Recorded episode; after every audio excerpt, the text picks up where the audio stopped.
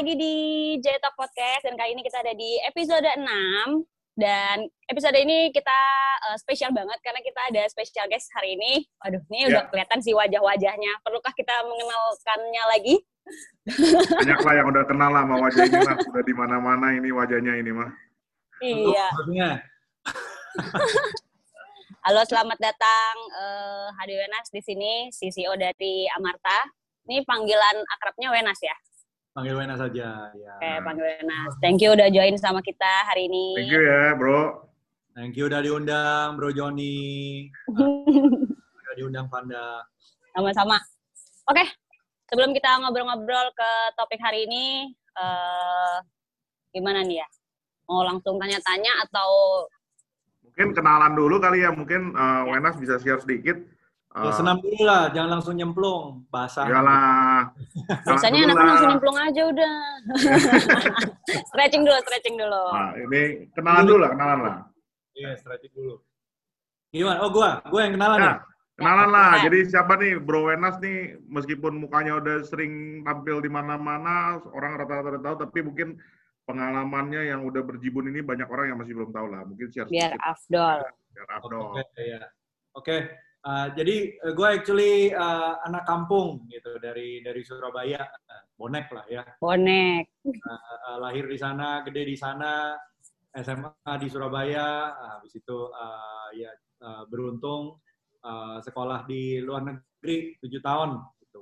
Jadi ya. sekolahnya mesin, uh, pekerjaan pertamanya desain engineer, habis itu uh, uh, itu kuliah di Wisconsin, uh, lulus, uh, dapat kerja, suruh pilih antara jadi rocket scientist atau software engineer. Gitu. Oke. Uh, pilih software engineer, ya, maaf mengecewakan karena duitnya lebih banyak. Jadi uang That's- berbicara dong ya. That's very fair. Terus, ya, Ya. It's, uh, kan masih muda gitu, jadi BU Oh, ya. gitu. ya. betul. Jadi akhirnya tinggallah di Bay Area, uh, di sana uh, kerja jadi programmer buat Oracle. Terus uh, at the same time uh, keterima di Stanford gitu. Terus mikir kalau keterima di Stanford mungkin kalau daftar lagi belum tentu keterima gitu. Jadi akhirnya ya udah sekolah juga. So, Ambillah kesempatan itu. uh, S2-nya uh, computer science gitu. Nah, di sana Engineering lagi ya S2-nya ya? Science, computer Uh, science. yes, correct engineering lagi. Jadi kalau Oke. misalnya satunya mesin sama komputer, kalau S2-nya komputer doang. Terus uh, uh, ya di sana um, karena Stanford mahal, jadi uh, waktu itu it's probably the worst years of my life gitu. So uh, about uh, two years, two plus years itu full time sekolah sama full time kerja gitu. Jadi uh, kerjanya 60 jam per minggu uh, and more, of course, uh, depend on uh, the cycle of the project. Uh, uh, and then uh, sekolahnya ya ambil uh, minimal 4-5 kelas gitu. Jadi lumayan Padet ya. lumayan padat ya. Jadi setelah gue pikir-pikir kalau misalnya rambut gue sekarang dikit itu kayaknya dari tahun-tahun saat itu. Efeknya baru kelihatan sekarang. Efeknya sekarang. Gak apa-apa bro, rambut lu dikit, kalau rambut gua banyak tapi banyak yang putih bro. eh, udah. Dan habis lulus sekolah S2 komputer, gara-gara uh, full time school sama full time uh, kerjanya di bidang komputer, akhirnya gue enek sama komputer. So it's uh, it's a bit ironic gitu kan. Jadi Oke, uh, apply kerja, uh, akhirnya gue ambil uh, McKinsey di Indonesia. Gitu. Jadi udah, gue mau jauh-jauh dari komputer lah gitu. Akhirnya uh, terbanglah ke Indonesia, join McKinsey. Um, apa uh, rencananya ya kalau McKinsey kan up or out ya. Jadi biasanya rata-rata orang satu setengah dua tahun, eh kelamaan di sana, tujuh tahun di sana. Tujuh tahun ya. Iya, tujuh tahun di sana. Jadi ya gedenya di McKinsey lah ya. Jadi dari cuman engineer uh, di McKinsey uh, pegang pabrik, pegang operations, pegang uh, HR, marketing, sales, distribution, ya belajarnya di sana semua. Tujuh tahun di sana. And then uh, startup pertama waktu keluar dari McKinsey itu di Zalora. So I was one of the uh, co-founders di Zalora. Ya. Uh, Zalora.co.id ya beli fashion lah ya di sana. Oh, sering dulu eh, belanja di situ. sampai sekarang lah. Nggak, sekarang kan lu udah nggak di sono bro, makanya dia nggak belajar Iya. bro. Oh, bagus. Ya, uh, so, jadi uh, startup pertama di Zalora, uh, kerja sama investor uh, Jerman. Nah ini mulai nih itu apa exposure ke milenial ya topik kita hari ini ya. Ya, ya. Ya. Waktu di Zalora lah ya pertama kali. Habis itu yang kedua eh, perusahaan sendiri namanya e-commerce. Eh, nah eh, setelah itu eh, dapat klien gede eh, konglomerat eh, itu apa grup Lipo. Eh, terus akhirnya pindah ke Lipo and then dapat eh, kesempatan untuk ngelit eh, jadi CEO-nya Matahari Mall. Eh, Mataharimall.com ya. mataharimall.com mata uh, terus di di sana empat tahun uh, sejak uh, tahun lalu uh, saya jadi chief commercial di uh, Amarta ya jadi Amarta itu fintech uh, jadi sekarang ini kayak apa ya setiap kali pindah belajar hal yang baru lah ya Uh, jadi dari fashion udah gitu pergudangan logistik udah gitu uh, e-commerce uh, end to end jualan semua jualan baju terus sekarang akhirnya uh, fintech nah uh, kalau Amarta sendiri um, apa fintechnya lumayan unik. Jadi kita P2P, uh, P-nya mungkin uh, pendananya itu ya mungkin 11-12 sama yang lain, tapi yang didanai itu yang bikin kita beda. Jadi kita hanya menyalurkan modal usaha, hanya ibu-ibu, hanya desa-desa. Gitu. Jadi kalau cowok mau minta pinjaman ke Amarta nggak ada, nggak dapat gitu. Wah, duh, udah udah disaring duluan ya, harus eh, Cewek sama ibu-ibu. juga. Cewek kita saring juga. Oh, masih gadis? Nggak bisa. Harus sudah married gitu. Aduh, Dan harus di ini desa. usaha aku gimana nih? Gitu. Aku pindah ini ke desa dulu. Anda minta gitu, uh, fiance, oh boleh lah ini, hampir-hampir. Oke, berarti eh, berpindah-pindah eh, kerjanya dari tujuh tahun di consulting, terus pindah ke tadi e-commerce ya. ya, E-commerce. Terus, Nggak ngomong uh, berapa lama berapa lama gitu ya. Karena actually pindahnya bukan satu bulan dua bulan pindah pindah pindah bukan seperti itu. Jadi udah tahunan. iya, tahunan, tahunan, tahunan. Tapi kan pasti ada hal-hal baru Ini yang berbeda dong. Uh, ini uh, ya 40 udah lewat lah ya. Ah, nggak kelihatan. Nggak perlu, itu nggak perlu ngomong tadi justru nggak mau nanya. Nggak apa-apa nanti kita edit, kita edit tenang. tenang. 40 udah Ini-. Tenang bro, lu masih milenial juga kok bro. Amin. Alhamdulillah. Nah itu eh, aku pengen tanya challenge-nya tuh apa ya? Pasti kan beda-beda biarpun berta- apalagi udah bertahun-tahun, bertahun-tahun di consulting dulu, terus bertahun-tahun di ya, tadi di Zalora, terus bertahun-tahun lagi di mataharimall.com, dan sekarang pindah ke Amarta itu kan pasti beda-beda semua gitu. Yes, ya, ya. Uh, challenge-nya apa ya? So, um, kan orang itu sukanya beda-beda gitu. Uh, jadi memang what drives me the most itu uh, apa? Uh, my eagerness to keep learning itu sangat besar, mungkin terlalu besar gitu. Jadi nyari nyari itu selalu yang um, apa? Uh, challenge-nya besar, learning-nya paling besar, and then I ask myself, is this a role that only Wenas can do gitu? Baru pindah gitu. Jadi agak-agak inilah apa agak-agak uh, statistik ya katanya SMM atau apa tuh ke istilah-istilah milenialnya gue nggak ngerti gitu kan. Nah, jadi kalau misalnya yang cari yang gampang-gampang, yang udah pernah sebelumnya itu nggak demen. Gitu. Jadi emang demennya cari yang Oh jadi emang demennya suka yang men-challenge diri sendiri. Apalagi Benar. kan kayak misalnya Zalora itu kan eh, gimana caranya dia bisa jadi yang sangat dikenal orang kan pada saat itu. gitu. itu pertama kali kan nggak ada kayak Iya. belanja online kan boro-boro apalagi belanja baju online buset deh. Gitu kan. Ya. Oh dulu itu aku masih gaptek loh ini Zalora apa nih ya? Klik klik klik duh bingung juga tuh sempet lah. Jadi, Dulu Tapi sampai sekarang pertama udah terkenal banget. Oke, sekarang oke lah. Uh, dulu waktu pertama kali uh, ini apa uh, bikin online marketingnya, eh, apa orang nggak bisa ngomong Zalora ya nggak bisa, Jalola. Zalora. Iya nggak bisa Z-nya nama pakai Z kan cuma Zara doang kan. Ya. Jadi, ya. Sangat jarang lah itulah dulu. Dan itu masih benar-benar di awal-awal waktu e-commerce baru mulai lah ya. Dan online Yes. fashion itu benar-benar baru mulai. Ya, was, Awal-awal uh, tahun 2000, 2012 ya. sekitar 10, 10 tahun yang lalu kali, lebih lah ya. 2012. 2012, 8 tahun yang lalu. So, Oke. uh, ya, jadi emang emang um, learning is very uh, very much uh, number one priority uh, untuk untuk aku gitu. Jadi Hmm. kalau pindah carinya yang uh, learningnya paling banyak. Nah, Nah terus kalau kalau kalau Eh, misalnya Edi duluan. sendiri gitu kerja uh, benar kan mimpin-mimpin perusahaan-perusahaan startup gini ya. Then you say that learning is one of the key things, right? Correct. Uh, emang lu berasa bahwa belajar uh, kerja sama milenial itu lu jadi banyak belajar banyak atau bagaimana tuh? Yes, um, belajar banyak lah ya. Uh, because uh, I think there's a good and bad things lah. Um, ini kalau misalnya if I were to compare millennial generation sama generation saya, unfortunately uh, itu apa generation X gitu kan. So I have this analogy. Jadi kalau misalnya generation X nih, uh, bos bilang gitu, uh, loncat gitu, and then dia loncat. Yes sir, and then jump gitu kan. Uh -uh. Millennials loncat. Kenapa? Kenapa? Ya, sih? kan? gitu, contohin dong, gitu. bener, bener, bener, bener. Kita pasti nanya.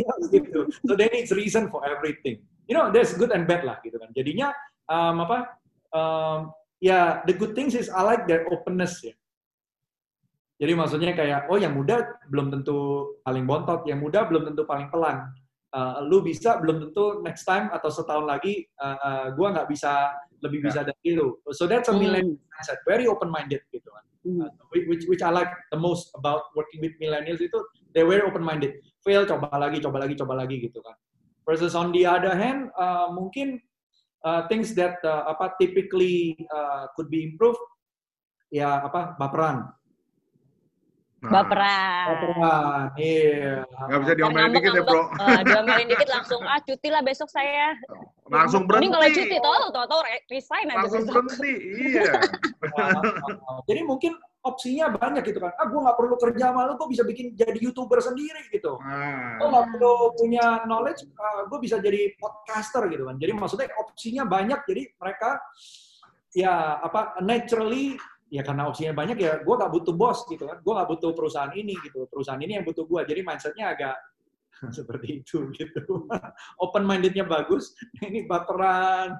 Terus jadi kalau misalnya dikasih feedback itu sakit hatinya terlalu terlalu dalam ya. Padahal ya tapi tapi uh, on the other hand just to balance it uh, gue bonek ya gitu. Jadi kalau misalnya ngomong itu memang pada dasarnya agak-agak jelek gitu menusuk gitu kalau yang udah biasa sih biasa aja gitu Iya. Nah, terus cara handle-nya gimana tuh? Maksudnya kan mereka pada baperan nih. Terus nah. uh, lu ngelitnya pasti susah-susah gampang lah ya. Susah-susah gampang, benar. Oh, oh ya, karena baperan uh, sama opsinya banyak, jadi hmm. salah satu tips atau triksnya uh, leader itu harus banyak explaining sama ini, Pak pokoknya itu jauh lebih sering lah gitu. lu mesti ini pada diem dikit, pada diem uh, itu lo kokokin gitu. Jadi kalau misalnya oh, generation X dipuji sebulan sekali, uh, millennials kalau bisa seminggu sekali, kalau bisa tiap hari lu puji tiap hari lah gitu. Jadi ini puji pujinya 10 kali, kasih feedbacknya sekali lah gitu lah ya. Dia pok-pok tiap hari tapi nggak sampai pak-pak gitu kan. no, so uh, feedback. So uh, feedback I think uh, ini ya apa it's very important ya. Jadi uh, buat development uh, siapa pun di generasi mana pun lah ya. Jadi what I do is uh, jadi karena gue udah umur segini, udah pengalaman segitu, basically gue udah lewat masa labil dalam arti oh I think I should change my personality, I should become a better leader, bla bla bla. Gue udah lewat itu. Basically I'm very comfortable with who I am, gitu kan. my style gitu kan. Uh, uh, uh, but it doesn't mean that uh, uh, uh, my style, my work with everyone, enggak juga gitu. So what I do is I set expectation at the beginning. Ya, jadi uh, semua tim di mana gue pertama kali kerja sama mereka itu um, gue always do two things. Number one itu uh, personality gue dan personality uh, mereka gue suruh ambil personality test actually. Uh, uh, ya karena gue dari McKinsey kita pakai MBTI. Hmm. Yang terkenal di luar sana ada di ISC, bla bla bla, ya terserah ya, ya, ya. apalah. Kalau gua uh, katamnya itu MBTI, Myers Briggs uh, apa test indicator gitu kan. Jadi uh, uh, semua anak-anak gua uh, atau uh, peers itu gue suruh ambil MBTI semua. Ambil MBTI, habis itu meeting pertama kali, dan gua share MBTI gua, uh, dia share MBTI dia, dan uh, gua share norma-normanya gitu. Nah itu kan yang general dulu ya. Uh, MBTI works for everyone. Jadi misalnya gue introvert, dia extrovert. Gue details oriented, uh, uh, dia uh, itu apa high level. High level. Uh, terus uh, uh, biasanya yang bentrok, uh, gue rasional, dia feeling. Nah yeah. itu yang biasanya kelasnya paling gede di sana gitu. Jadi gue ngomong biasa aja, muka gue lurus gitu. Terus di sana, uh. Tuh, kok muka dia lurus ya? oh dia marahin orang tapi mukanya lurus ya? Iya kan salah. Oh dia nggak ada senyumnya ya? Nggak ada senyumnya gitu. Nah, itu biasanya uh, sama yang terakhir itu uh, dimensi organized sama unorganized. Nah, dari sana kan udah mulai tahu nih. Jadi kalau misalnya udah ambil MBTI, basically potential konfliknya di mana udah di-identify earlier. Gitu. Nah, uh, itu itu yang pertama. Jadi soal personality ya. And then hmm. how different personalities work each other. Jadi gue selalu uh, share itu berulang-ulang. Jadi tiap kali ada tim baru, gue selalu suruh mereka ambil tes. Uh, gue ambil tes ulang. Udah gitu kita share di satu ruangan. Dan uh, gue share norma-norma potential konfliknya itu gimana. Gitu. Jadi, Jadi mereka bisa tahu juga ya bosnya kayak gimana personalitinya gitu sama their peers juga actually. Uh, rekan-rekannya juga gitu. Benar, uh, gitu kan. Malah biasanya ada realization dalam arti kayak ya uh, mungkin gue terlalu scientific dalam apa menangani ini, tapi da dari tim juga merasa itu berguna juga. Oh ternyata kita itu ribet gara-gara lu introvert, gue extrovert. Makanya lu tiap kali gue ajak makan nggak mau gitu. Bukannya lu nggak suka sama gue, emang lu nggak suka makan bareng-bareng gitu. Benar, benar, benar, benar. Jadi untuk menghindari itu ya, meminimalisir ya, lah udah tahu kan, oh lu introvert, hmm. extrovert, oh lu feeling, berarti gue ngomong hati-hati dikit dong gitu kan. Supaya, uh, supaya tidak hard. Itu yang pertama. Lalu yang kedua, gue set uh, uh, itu apa uh, uh, ini apa expectation-nya kerja sama gue. Gitu. Hmm. Biasanya ya di sana basically apa adanya lah. I think it's good to be agama gue cuma satu sih kalau working with others sincerity, tulus gitu. So basically gue bilang uh, eh, eh, gue banyak kekurangan, uh, banyak kelebihan. Nah, kelebihan gue ini, kekurangan gue ini. Nah, biasanya kekurangan gue, uh, salah satu contohnya uh, apa? Kelebihan gue speed, cepet banget gue gitu. Kekurangan gue, gue nggak sabar, sama sekali nggak sabar. Gitu.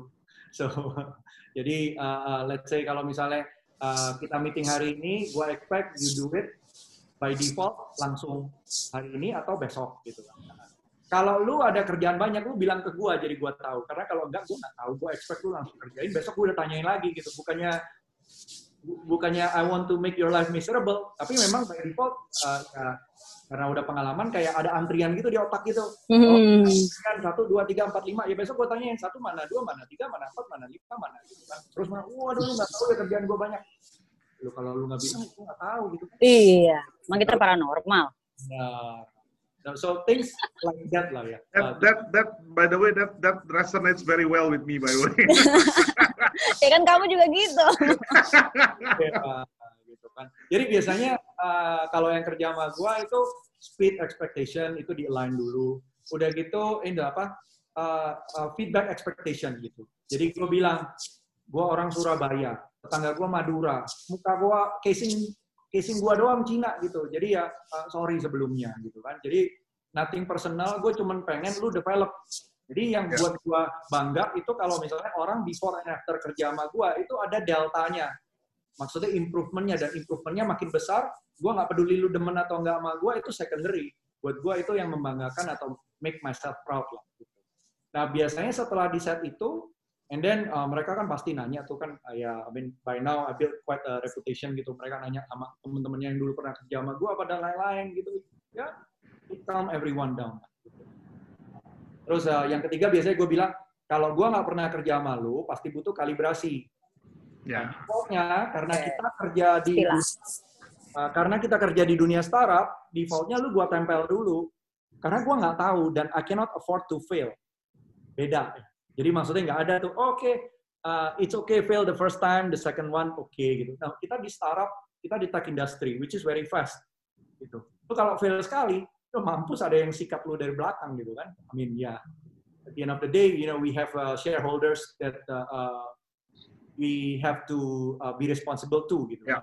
Uh, we're accountable to lah gitu. Jadi, jadi memang uh, beda sama, let's say kalau misalnya company udah stable, ya udah lu coba dulu lah fail-fail dulu nggak apa-apa. Nah kalau kita nggak ada room to fail karena dunianya doesn't have the room to fail. Jadi ya defaultnya ditempel. Karena kalau misalnya kalau ditempel setelah kalibrasi, oh ternyata udah line ekspektasinya ya, gua, mm-hmm.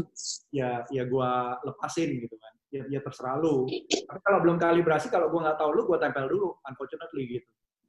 Tapi kalau kayak gitu bukannya malah dari banyak kalau orang atau dari milenial itu malah sebenarnya nggak gitu happy ya karena kan balik ya tadi kan uh, salah satu karakteristiknya misalnya kan kayak free soul maunya begini maunya begitu banyak banyak mm. dan lain-lain kalau kayak lu gituin kan malah kesannya itu seakan-akan kayak micro managing ya Jadi malah, ini gimana sih, bo, ini bos gue kok rese banget sih, gini, nanya gitu, apa segala macam gitu. Nah, itu itu gimana tuh kalau ini?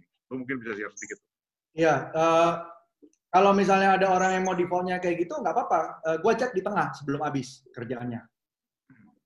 Gue nggak akan biarin dia habis dulu, karena kalau dia biarin habis, gue buang waktu dua kali setengah jadi benar-benar balik set the right expectation di awal. Yeah, Kalau dia model kayak gitu ya kita langsung ngomong oke okay, fine two weeks gue uh, checkpoint ya satu minggu ya kurang lebih ya, begitu. Benar. Uh, and uh, dan gue jelasin ya karena uh, uh, karena kita nggak pernah kerja bareng. Kalau misalnya memang uh, uh, once we calibrate ya you can do your own things. benar. Jadi it's a masalah default ya. Ada leaders yang oh defaultnya hands off dulu. Kalau lu ada kekurangan baru gue tempel gitu kan. Tapi masalahnya kalau di startup lu ada kekurangan itu shareholder udah pada marah-marah. Ya, ya, benar. Iya, gitu. Karena kita di expect-nya grow double digit every month gitu kan. Lu kalau grow double digit every month berarti every week is uh, treasure. Kalau misalnya lu target 20% aja, berarti every week harus grow 5% at least. Lu kalau misalnya uh, kasih dia apa um, uh, kasih dia room tapi uh, nggak uh, tahu ekspektasinya atau belum kalibrasi, dia kalau flat, kalau negatif, mampus lu kagak bisa recover. and then the next thing you know, one month uh, gone. And uh, yeah, so it's a bit uh, inilah apa. But startup is not for everyone juga ya. Ya jadi maksudnya uh, startup requires a certain uh, apa mentality gitu. Jadi emang uh, kalau dibilang capek, capek. Tapi uh, dari sisi lainnya ya uh, seru ya. So it depends on what you want gitu kan at the end of the day. Right. Nah, lu sendiri okay. kan pasti kan pernah ini ya, uh, pasti pernah punya anak buah yang bukan millennials lah, dan pasti pernah punya anak buah juga yang lebih tua dari lu lah. Iya, yeah. Gen X, Gen X. Ya, atau yeah. mungkin even older than Gen X or whatever it is, right? Nah itu. Ya kalau kamu nyebutnya apa? Kasih tahu Enas. Uh, kolonial, kolonial, generasi kolonial. Lalu gimana tuh kalau itu? Iya, iya. Kalau kerja sama kolonial, Apalagi kan model-model bonek ya, lu kalau pasti kan salah satu, uh, at least gue juga I share the same feeling, right? Jadi maksudnya kalau lu langsung main hantem hajar gitu kan ngomong apa adanya A A B B gitu lempeng gitu ya sama orang yang generasi kolonial yang mungkin udah pengalaman I don't know, Benar. right? years and all that. Wah lu ribet tuh bro, kalau kayak gitu. Nah, iya. itu gimana tuh? Nah. Kan yang baper nggak cuma millennials doang, kadang kolonial nah, malah, lebih, malah baper, lebih baper lagi tuh. Uh, enggak, actually kalau misalnya yang kolonial itu nggak baper. Tapi dia ini nusuk dari belakang, agak beda. Waduh, e, itu lebih sakit. Jadi mainnya uts, ke atas, gitu. Mainnya lebih cantik lah ya. Tapi gue lebih enak sih.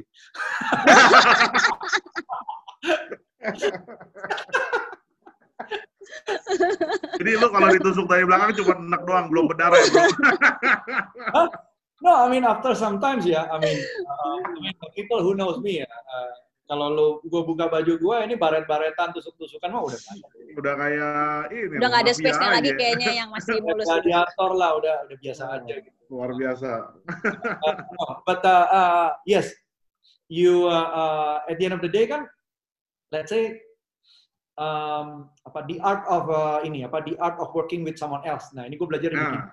ya yeah gua itu orangnya introvert, habis itu rasional. Jadi kalau misalnya tanya, oh, lu mau temenan sama orang ini nggak? Apa? Biasa aja gua, karena gua introvert. Temen gua udah cukup happy. Temen gua yang baik sama gua, gua udah ceritain semua, dia ceritain semua. Jadi udah cukup ini. Tapi let's say one day I met this uh, professor, I call it, a senior partner di McKinsey. Dia bilang, the art is you must be curious about him atau her there's got to be at least one thing that he or she can do better than you. Hmm. Nah, itu gue masukin tuh, gue program di di sini gue masukin gitu. Jadi sesebel-sebelnya gue sama orang itu, kolonial atau milenial, milenial by default gue tertarik karena ya, mereka itu wawasannya sangat banyak banget gitu kan. Yeah. Ya. Uh, sangat sangat wide lah, uh, wide gitu. Tapi kalau misalnya kolonial itu sangat deep gitu. Jadi uh, uh, then if I switch it, There's gotta be something that I can learn from this guy. Nah, tadi kan, uh, tiap-tiap orang kan berbeda. Kalau gue kan learningnya kan. Jadi learning gue curiosity. Nah, muka gue jadi bisa, gue jadi bisa tulus untuk curious about him or her. Mm-hmm. Jadi itu di mindsetnya dulu. Gue sebelum sebelum nyuruh-nyuruh dia atau apa, gue harus curious soal dia dulu. Gitu. Mm. Kalau mungkin lebih gampang karena tahunya banyak jadi seru lah gitu. Tapi kalau kalau kalau bahasanya jualan kita artinya listen to your customer lah ya. Listen to your customer first, baru lo offer your inilah, gitu lah ya. Uh, yes and no, tapi maksudnya I, I, I do some research about, uh, jadi gue pengen tahu kira-kira itu dia dalamnya di mana yang yang gue bisa belajar gitu. Ah, and then I let him or her talk on that lah gitu. Jadi ya kan tadi kan gue bilang kalau lu sincere itu everything becomes uh, natural gitu kan. Uh, lu sincerely curious about the other person, then you start asking questions apa, tapi nggak fake fake semua gitu loh. Uh, Benar. Uh, uh, that's that's one thing ya. Jadi maksudnya chemistry-nya uh, uh, mindsetnya di, di set seperti itu gitu kan. Nah soal bagi-bagi kerjaan itu sih sama aja ya. Jadi maksudnya setting the right expectation, um, apa, um, uh, personalitiesnya seperti apa, setting the right expectation. Uh, bedanya mungkin uh, kalau colonials kan, uh, kalau millennials mungkin karena gue mau save time, gue hajar aja gitu kan misalnya. Gitu. Mm -hmm. Sorry ya, tapi maksudnya ya ya it is what it is unfortunately gitu kan. Uh, tapi kalau misalnya um, apa di kalau kalau misalnya colonials I uh, so I'm aligning on uh, what matters to me gitu. Jadi uh, gue orangnya detail, mungkin Joni tahu lah gitu. Jadi kalau misalnya dia ngomongin kerjaan gitu kan, uh, um, uh, by default uh, di organisasi gue um, bos-bosnya itu atau leader-leadernya tangannya kotor. Gitu. Jadi itu hmm. udah filter dulu. Yang tangannya nggak kotor, gue nggak mau kerja bareng. Hmm. Kalau tangannya nggak kotor, berarti mulutnya yang kotor. Ngomongnya kebanyakan jadi. ya. Jadi itu nggak cocok sama gua gitu kan. Jadi maksudnya kan berarti uh, ya itu itu tisu bro. Kalau mulutnya kotor kasih tisu. Lapin tisu basah. Kalau nggak kepret. Iya, nggak nggak anu apa. It's not my forte lah gitu. I mean they do other things lah. Kalau misalnya di organisasi di organisasi gua ya apa uh, defaultnya uh, tangannya kotor gitu kan. Nah kalau misalnya tangannya kotor, basically then we align on the um, ini apa what matters uh, in the job. Jadi matrix yang matters apa gitu kan. Jadi hmm. tanya, oh kalau misalnya lo, uh, how do you how do you measure it gitu. Uh, uh, sama satu lagi yang penting buat gue rhythm actually rhythm. I call it rhythm. Jadi uh, uh, lu cek seberapa sering, uh, lu meeting sama tim lu seberapa sering. Jadi ritme, I call it ritme gitu. Nah di ritme itu aku align yang penting apa, yang menurut dia penting apa, yang menurut kita penting apa. Kalau misalnya beda, dilurusin. Kenapa menurut lu itu penting?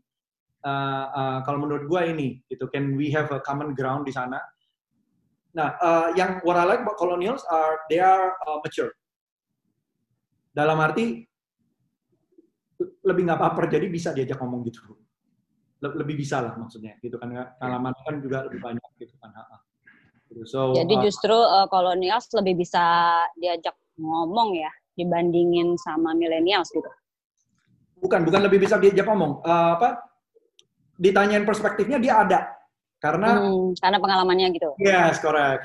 Kalau millennials kan baru ke mana-mana gitu, hmm. Dalam di sana, jadi agak beda approach-nya gitu. Uh, but uh, uh, at the end kan uh, tadi kan aligning uh, personalities, setting the right expectation. Nah ini kalau misalnya sama yang udah orang yang lebih pengalaman dari uh, uh, kita, uh, aligning priorities itu penting aligning priorities. So, um, but yeah, bear in mind kalau misalnya colonials memang by default is less moldable.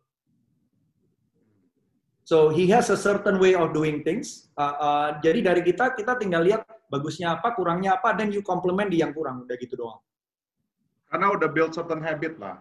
Yes. Jadi kalau misalnya harap dia yang dia lakukan gitu kan. Kalau harap dia berubah enggak? Itu Misal by default lu capek gitu. Jadi mendingan lu komplimen aja gitu. Nah, nah it, itu at least default dari dari gua ya. Uh, actually I enjoy working with uh, uh, both lah ya. Gitu. And then in in some um, let's say uh, gua kan naturally aggressive gitu. Jadi memang kalau misalnya orang-orang yang kolonial itu can uh, apa can give uh, apa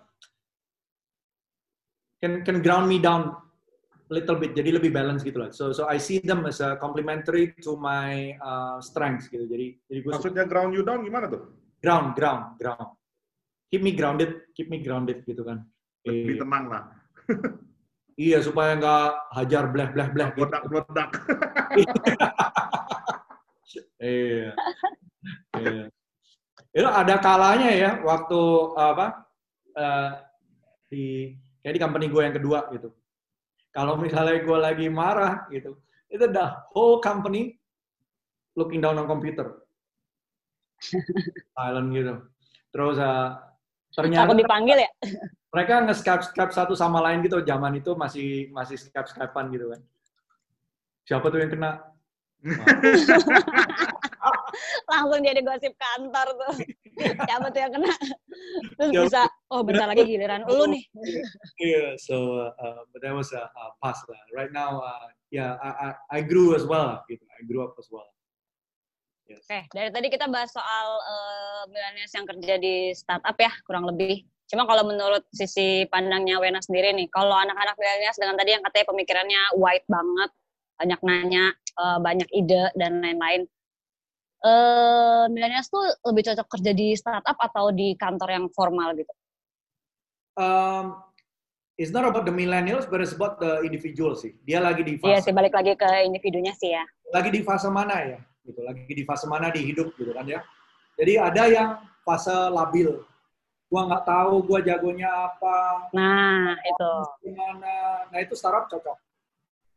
Hah? oh gitu. Why? Ya, um, apa kalau kalau dia nggak tahu ke mana uh, atau mau ngapain itu kalau di startup itu most likely kerjaannya lu di hire as a marketing analis ntar lu ngejain logistik. Tapi bisa ngerjain yang lain. Iya benar benar benar gitu kan Palu gak ada lah, palu gak ada lah. Apa lu mau palu ada? kalau di ya startup kan ya? bisa tuh misalnya, lu di, di divisi marketing, udah gitu, Pak kayaknya pengen belajar gudang deh. Ya udah lu ke operations, hmm. ya kapan Pak? Ya dua minggu transisi lah, ya, gitu kan. Gak, gak, ya tahun depan nanti nanti gua siapin karir pathnya dulu ke sana. Amin gak, gak pakai gitu ya. Lu mau belajar sono ya udah ke sono. Kerjaan lu di Hanover ya lu ke sono ke sono gitu. Nah, itu Benar. enak tuh.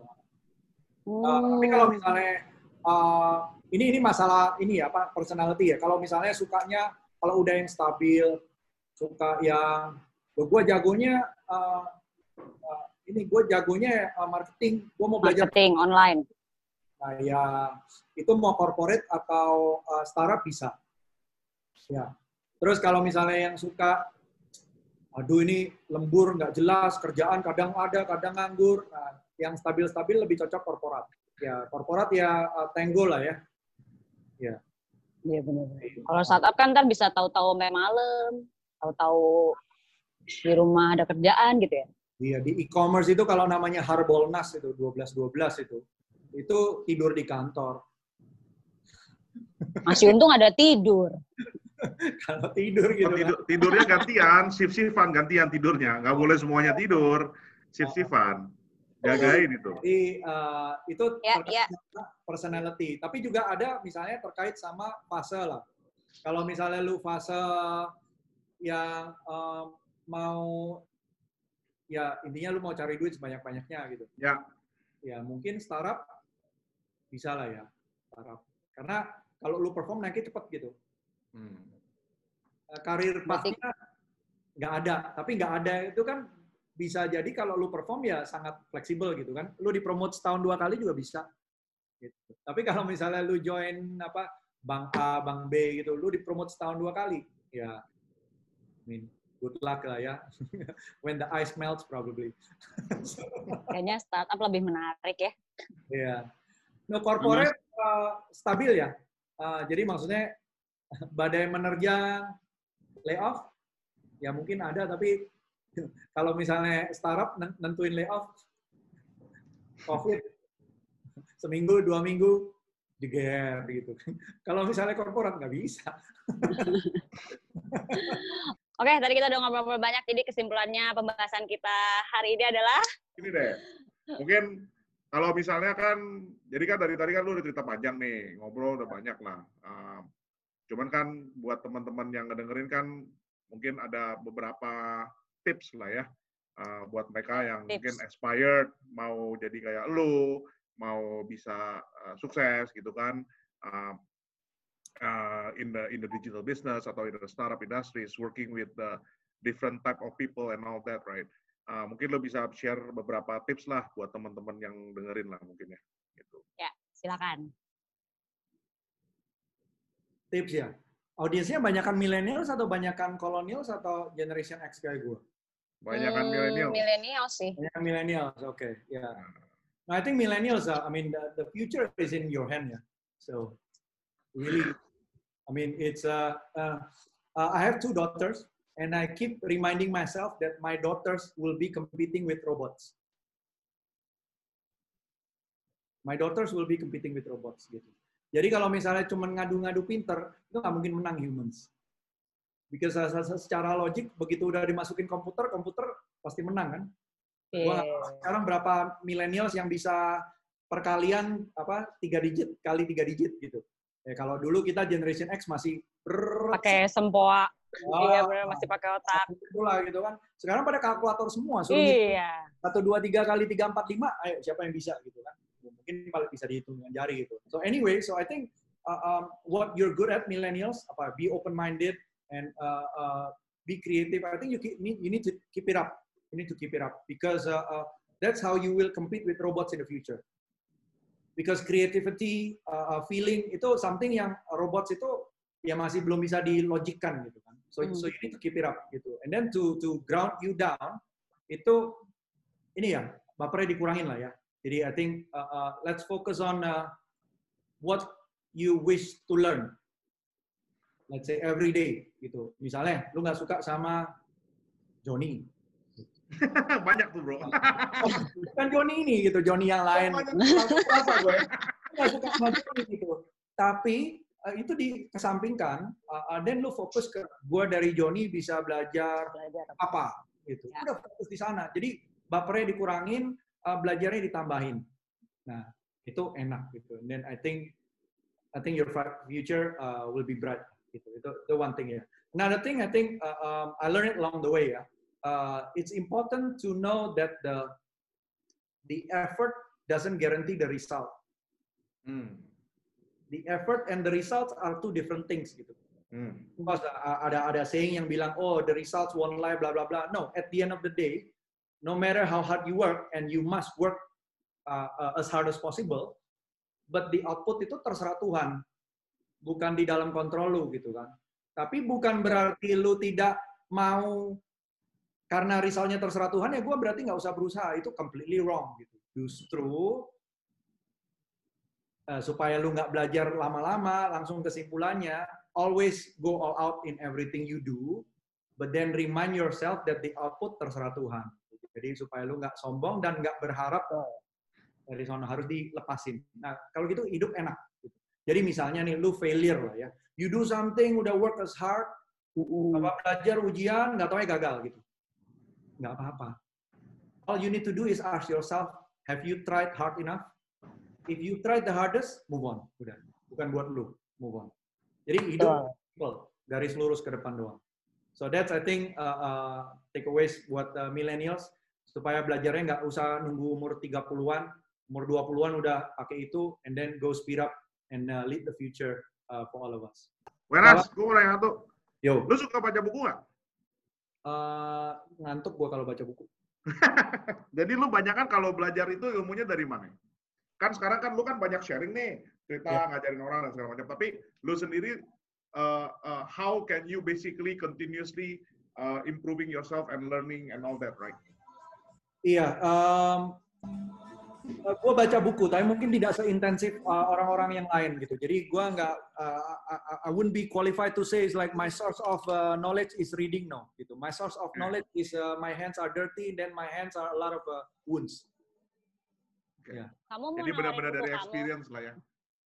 Um, ya ada yang belajar. Ya belajar belajar buku dikit, tapi actionnya lebih banyak kalau gue. Oke. Okay. Yes, correct. Uh, tapi ya itu lebih costly lah. Tapi buat gue kayaknya enak loh lebih cocok, uh, lebih cocok. Itu my personal questions lah. So, sorry, ini ngobrol santai dikit ya, bro. Soalnya kan gue ngeliatin kan banyak tuh orang-orang yang suka, misalnya, oh gue target seminggu baca buku segini. Kemarin gue juga ketemu sama orang yang bilang, oh gue mesti baca 25 buku ini.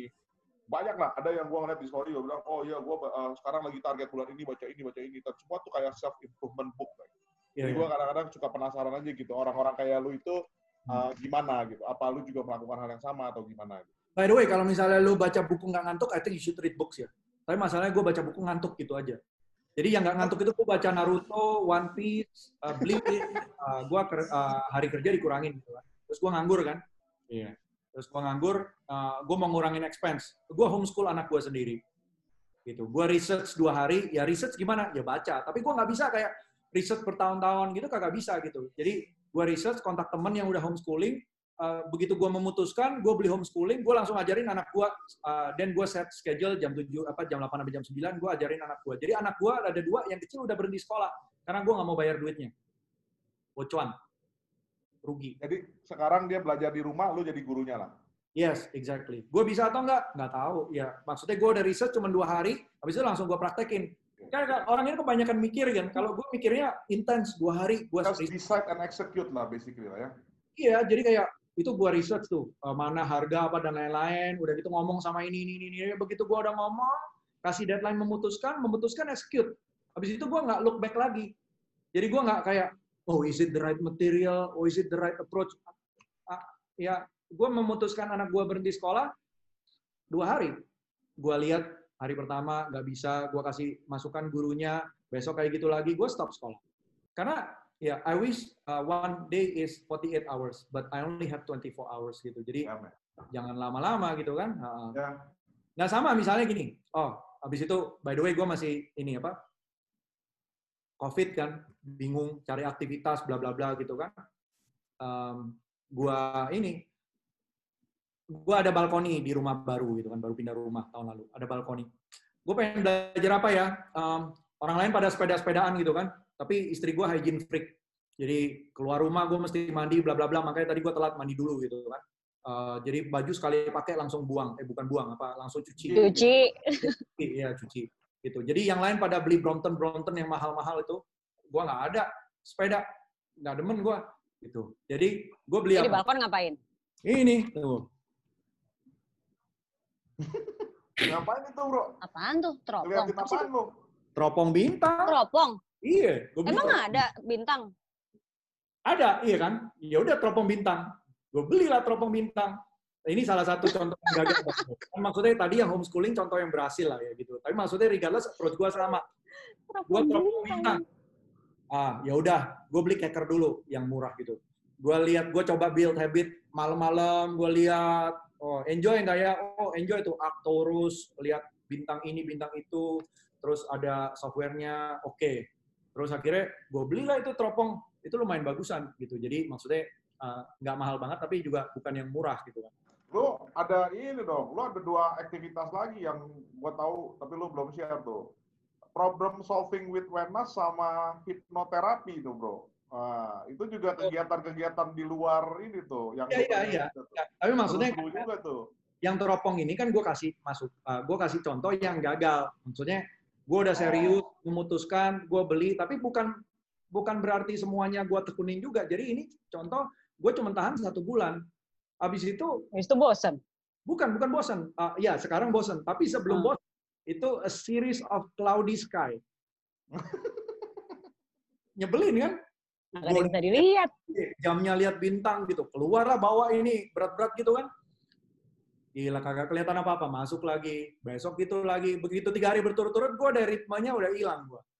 Akhirnya, iya, jadi maksudnya, uh, tapi sama, dua hari gue memutuskan beli teropong atau enggak mau beli teropong yang seberapa mahal gitu kan. Jadi riset semua merek-merek-merek apa dan lain-lain, beli dari mana, putusin, beli. Ternyata yang ini gagal. Ya, ya, ya sudah, ya gimana. Oke, okay, thank you banget Wenas hari ini udah sharing-sharing sama kita di episode namanya Jetok. Buat kalian semua, uh, tadi ya pesan-pesannya dari Wenas, kurangin bapernya, banyakin belajarnya ya. Oke, okay, untuk semuanya uh, jangan lupa untuk uh, subscribe kita, uh, like, komen juga di YouTube Jetok Podcast dan juga bisa follow kita di Spotify dan juga di Anchor. Jangan lupa juga untuk Instagram kita di @jetok.podcast. Thank you semuanya. Sampai ketemu di episode iya, selanjutnya. Thank you.